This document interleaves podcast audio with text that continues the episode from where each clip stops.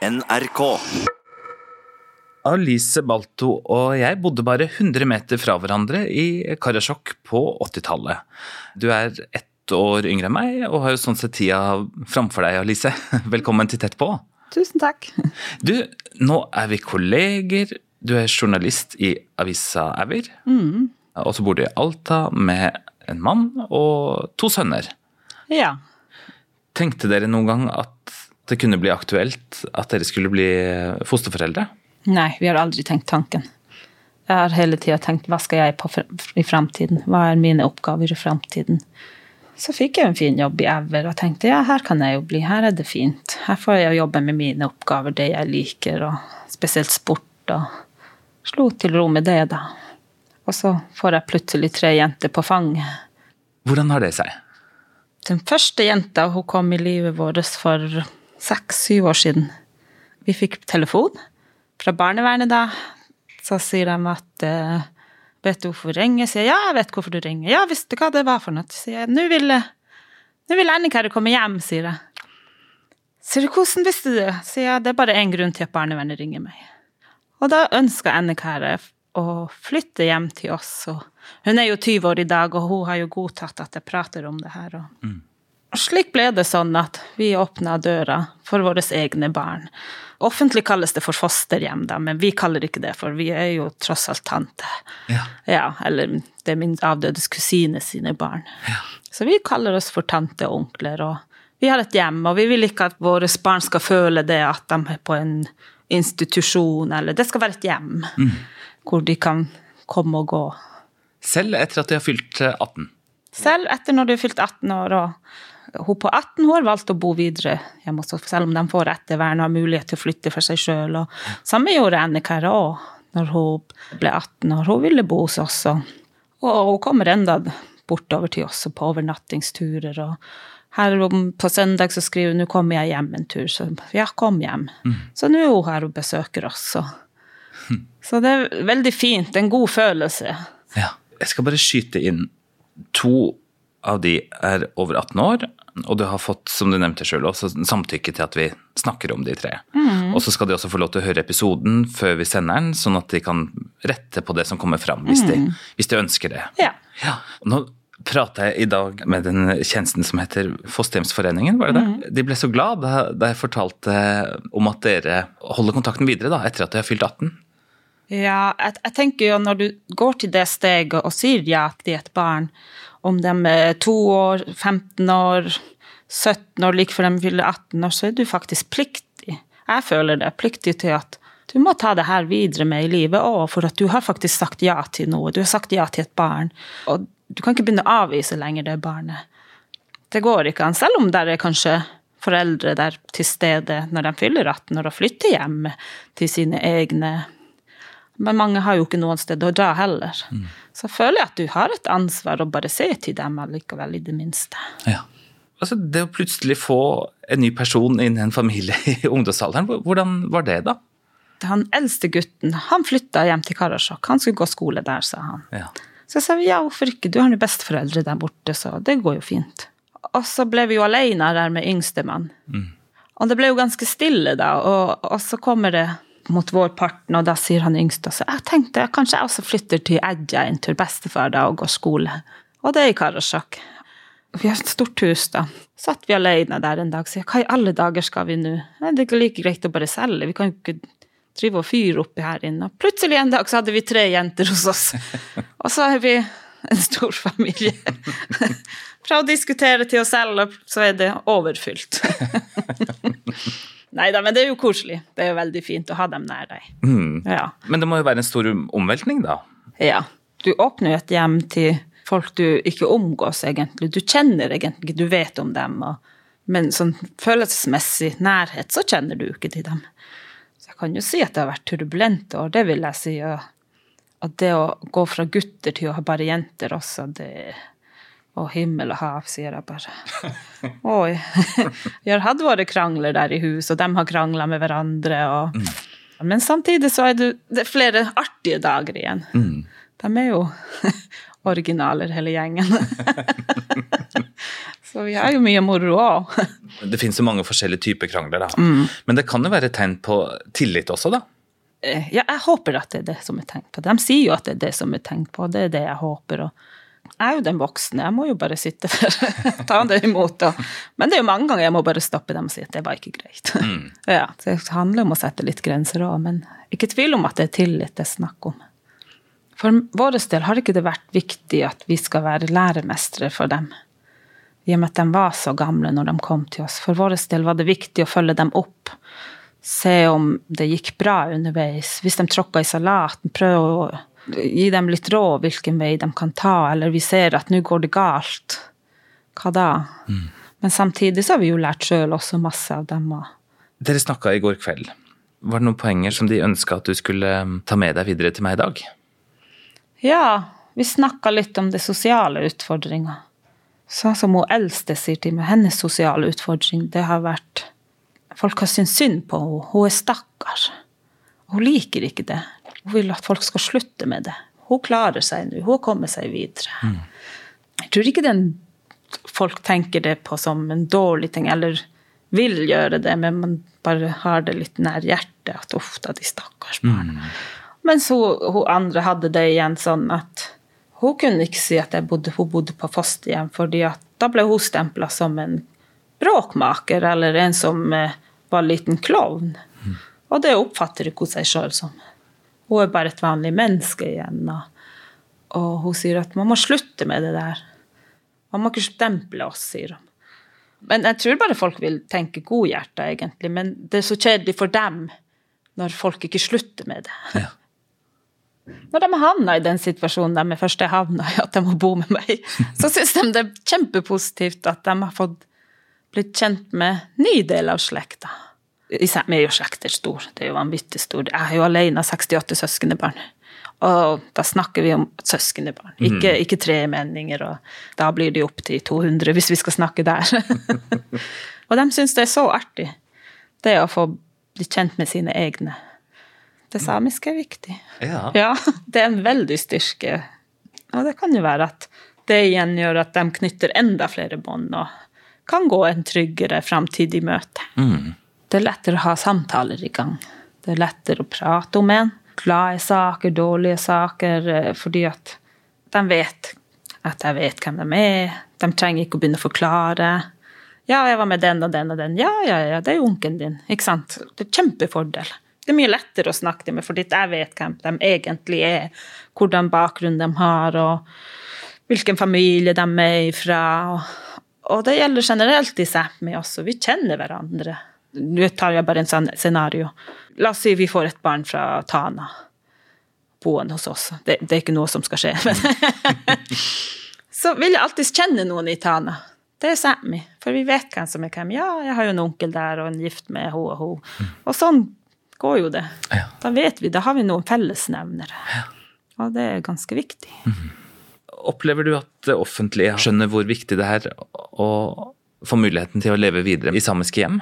Ja, det opplever jeg. Vi har fått forespørsel om vi kan ta barn inn hvor foreldre ønsker at det skal være et samisk bakgrunnshjem. Og da skjønner jeg jo at de prøver å gjøre så godt de kan for å tilrettelegge det her. Mm. Jeg tror det er veldig viktig at samiske barn får bo hos samisktalende, eller de som forstår i hvert fall kulturen deres. Skal de få klasseforsamling, skal de fortelle Jeg bor hos, på, hos tanta mi. Å ja, er det barn din sin søster, eller mor din sin søster? Nei, i det samiske er jo tante mi litt videre begrep. Og det er jo veldig viktig for dem det at det samiske kan slå tilbake. Men jeg tenker også mange ganger at det er en viktig del av jobben de gjør, å ordne hjem til de samiske barna som eller Hvis de ikke snakker sammen, men de får i hvert fall en del av kulturen sin. Ja. Jeg skal ikke si at man må bare se etter det. Man må se også viktigheten og hvilken grad det her barn trenger hjelp på. At det må ikke være det samiske slår i hjel det. Nei. nei, Nei. Jeg syns at jeg har det veldig bra nå. Jeg har veldig fine mennesker rundt meg. Jeg er heldig som har foreldre som står opp for de her barna, åpner hjemmet for dem. Svigerforeldre som gjør det. Og det er jo ikke en selvfølge. Foreldrene mine har alltid sagt at det viktigste mm, verdien å få på plass, så var det her å kjenne seg trygg. Ja. Eh, og når du har det på plass, så er det så mye annet som kan settes i gang, da. Det er absolutt sant. Og, og mange ganger føler jeg også det at kanskje de ikke er helt trygge, selv om de sier de er trygge. For man begynner å vandre sånn. Og så må du stoppe dem litt. og Si 'kom nå hjem'. Kom nå og hvil litt. Og så kommer de, og så hviler de litt. Og det, det er litt godt. Man blir jo kanskje litt vandrende når man har vandra mye i livet. Har det vært en berikelse for dere? Ja, absolutt. Det har vært en berikelse. Og det var litt godt å få dem samla. At de fikk være sammen under samme tak en periode. For, for oss var det så rikt å bare få Jeg vet ikke hvordan jeg skal si det, men det er så mange ting man kan si at vi har lært gjennom de her årene. Men det har vært så godt å se på oss. Jeg føler at de har fått ro. Det er det jeg føler med årene. Det er litt vanskelig, for de er ganske selvstendige fra når de kommer. Når de, når man er vant til å være selvstendig, at man må være det etter man mister sine foreldre. Og så er det jo noe som sier i barns hode at 'jeg må klare meg'. Birgen. Birgen. Og det er jo en, det er en samisk greie. Det er ikke kalt Birgt. Du, det her Birgen-begrepet, det er flere andre som har nevnt det til meg. Hva er det som ligger i det sånn kulturelt sett? Det kan jo tolkes både positivt og negativt, det samiske. At Don Birg, hvis det er noe tragisk hender i livet ditt, og det skal gå bra, Don Tegal Birg Det her ordner seg, og, og det er jo veldig fint å si sånne ting, men det er ikke alltid artig å være den som må birge. Og der må vi kanskje være litt flinkere med å ta tak sjøl. Vi var spesielt voksne. at Det er ikke rett at barn skal birge. De skal leve. De er bare små. Men ligger det en sånn forståelse om at, at det må nærmest ordne seg sjøl? At du, du klarer det, det her kommer til å gå bra. Ja, det blir vel kanskje det på den måten at man skal fikse alt sjøl. Jeg har jo egentlig ganske sterke meninger om det, da, men det er ikke alle som er enig med meg heller. Og, og jeg syns jo at vi er veldig flinke å gjemme oss bak fornorskninga. Jeg sier ikke at det er uviktig, jeg sier ingenting sånne ting, men og historien bak hvordan vi har det. Ja, det er fordi sånn og sånn, vår historie er sånn og sånn. Og derfor kanskje man ikke tar tak i ting. Og jeg jeg syns det blir for lettvint. Vi er jo tross alt i 2019, vi er litt mer opplyst. og jeg syns ikke man kan på en måte bruke det som en unnskyldning lenger. Nei, fordi at vår historie var så tøff, derfor er vi litt mer sånn som trekker tilbake, at samer er litt sånn trekker litt tilbake. Jeg syns ikke det er greit å bruke den mer. Jeg skjønner at det ligger underbygd der, i underbevisstheten, at det er, vi føler det mange ganger sånn, men, men i 2019 har du lov å si til deg sjøl Vet du hva, jeg må faktisk ta tak i det her. Det her er ikke greit. Det er sånne ting jeg tenker på meg. Og så sier man kanskje at ja, det er tabu om å snakke om enkelte ting i samiske samfunn. La oss si om La oss si om ditt barn havner på fosterhjem. Vi snakker ikke om det. Eh, Vi snakker ikke om problematikken. Og er det tabu fordi man ikke går det i media og snakker om det? Fordi det er jo ikke sånn at samene ikke snakker om det. Du hører jo fra gammelt av at folk Når jeg var ung og ungdom, så brukte de å si at du er et barn uten foreldre. Han vokste opp der. Bemomenna du også. Bemomenna er fosterbarn på norsk, da. Bemomenna høres bare litt penere ut. Selv om det ikke er kanskje penere. Men eh, det er jo sånn folk snakker han er vokst opp der, for han har ikke foreldre. Men folk har ikke gjort så stort nummer ut av det. Og så Tabu er jo et stort begrep, egentlig. Men jeg føler at det ikke er så tabu som man vil ha det til. Det er bare det at man ikke går offentlig ut og roper. Ja. Men jeg syns jo at familier har vært flinke å ta vare på sine opp gjennom årene. Det er sikkert ikke alle hjem som er perfekte, men det er alltid noen som har stått opp i det samiske samfunnet, det vil jeg si. Når jeg vokste opp, så var det mye sånne ting som ble sagt. Eller ikke mye, men noen ganger man hørte nå og da når folk prata. Og når mamma åpner slektsboka, ja, det stemmer. Han ble vokst opp der fordi mor og far eh, de døde i ung alder. Og så blar hun videre. Og jeg vet ikke, jeg syns ikke det er tabu, det her med fosterhjem og Det er bare kanskje at vi ikke roper så høyt. Men selvfølgelig, selvfølgelig, mange ganger er det jo også litt viktig at barnevernet griper også inn, selv om slekta står på og tar vare på de her barna. For mange tilfeller må det til. Ja. Ja. Og da kan det kanskje bli litt tabu igjen, at man ikke vil snakke om det. da. Ja, nettopp. I samisk samfunn er det jo litt sånn her eh, Man går og prater rundt hele tida. Istedenfor å komme til den det gjelder. Men man kan jo bruke ordtaket da at det blir jo en fjær blir til ti høns. Mange ganger blir det sånn. Og så er det Har du hørt? Jeg har hørt av han. Ja. ja. Nei, hva han sa. Og så går hun videre. Har du hørt? Jeg hørte hun. Og så utvider historien, eller krympes litt. Og, og til slutt så blir det sånn Nei, jeg tror nå ikke på den der barnet, eksempel. Selv om det barnet har sagt noe som er dritviktig. Det er scenario som kan skje. Men det snakkes. Men det snakkes ikke til de det gjelder. Nei. Sånn opplever jeg det. Men du er jo en åpen person. Ja, litt for åpen, kanskje. Men, men det tror jeg er veldig bra, da. Jeg tror det er en berikelse for samfunnet med folk som sier ifra, og som bidrar i offentligheten. Og nå oppdaga jeg på Facebook, det var ganske nylig, da, at du har starta en innsamlingsaksjon til den eldste. Hva prøver du å få til der? Vet du, hun mista jo mor i tidlig alder, hun søstera mista jo mor i tidlig alder, den var bare seks og ni år. Og så døde far i påske under vårsamlinga nå. Og så er de jo jenter, vet du, og det er jo ganske tøft å være jente i reindrifta. Det er jo en mannsdominert yrke, men jentene har begynt å komme fram nå. Og det er jo veldig fint. Men sant, hun har absolutt ingenting. Jeg skulle gjerne tatt opp lån og kjøpt scooter til henne, så hun kan være på fjellet hele tida. Kjøpt alt av utstyr og Men jeg har jo fem barn å ta av meg. Jeg har en mann, og jeg har nå, ikke sant, svigerfar som halter, svigermor som halter, og Jeg skulle gjerne kjøpt alt til det her barnet, men jeg kan jo ikke det. Så tenkte jeg, vet du, jeg kan ikke sitte lenger og se på at hvor tøft hun har det på vidda. For to uker siden så ringer jeg henne om det går bra. Ja, hun har frosset litt i natt, for hun har bare sommersovepose, og det er 30 minusgrader på fjellet. Og det er ikke riktig. Og hun har ikke spurt om hjelp, men det er jo helt naturlig for henne å ikke spørre hjelp, fordi hun føler jo at hun spør for mye allerede. Så jeg, herregud, Enk, du må slutte med det her, vi ordner alt nå. Så jeg tenkte, hvordan skal vi få alt på plass for at hun skal få en enklere hverdag? Selv om hun har vokst med reindrifta, så er jo ikke hun utlært, hun er jo ung, og hun skal hives alene ut i det her. Det er ikke enkelt. Nei. Men hun har jo heldigvis tante og søskenbarn der borte som veileder. Men hun vil jo fortsatt føle bestandig når scooteren stopper der og Hei, kan du komme og hjelpe å skru den i gang igjen? Det er jo ikke noe gøy følelse. Det er jo ikke det. Og da tenkte jeg at jeg må gjøre hennes hverdag litt enklere.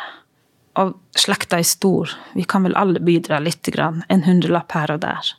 Men det er himmelhav. Det, jeg tror det er 45 eller 46 000 der i dag. Oh, ja. På hvor lang tid da? Eh, på to døgn. To døgn? Ja, bare på en time så var det kommet 10 000, tror jeg det var. Og hun sendte melding. Herregud, hvor snill folk er. Det er veldig artig. Det viser bare at folk bryr seg.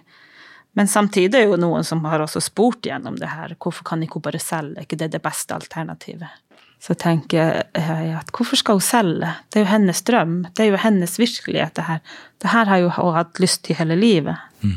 Å være i reindrifta, ja. Ja, i reindrifta. Og det har hun allerede signalisert siden hun var liten jente. Hvorfor skal ikke hun få lov til å drive det? Og det er jo en tøff yrke. Og, vi, og jeg som tante, jeg sitter og bekymrer meg. Det er jo ikke noe artig å tenke hennes scooter stopper midt på vidda, kan være storm ute, og hun har nesten ingenting. Men jeg skjønner hennes valg, det gjør jeg. Selv om jeg skulle ønske mange ganger det ikke var det valget. Ja. Ja, men det er viktig for henne. Og det er viktig for henne også det å videreføre en tradisjon som er ganske utdøende. Ja, under kraftig press. Ja, den er kjempe, under kjempekraftig press. Er det folk som har uh, sagt noe hyggelig, da?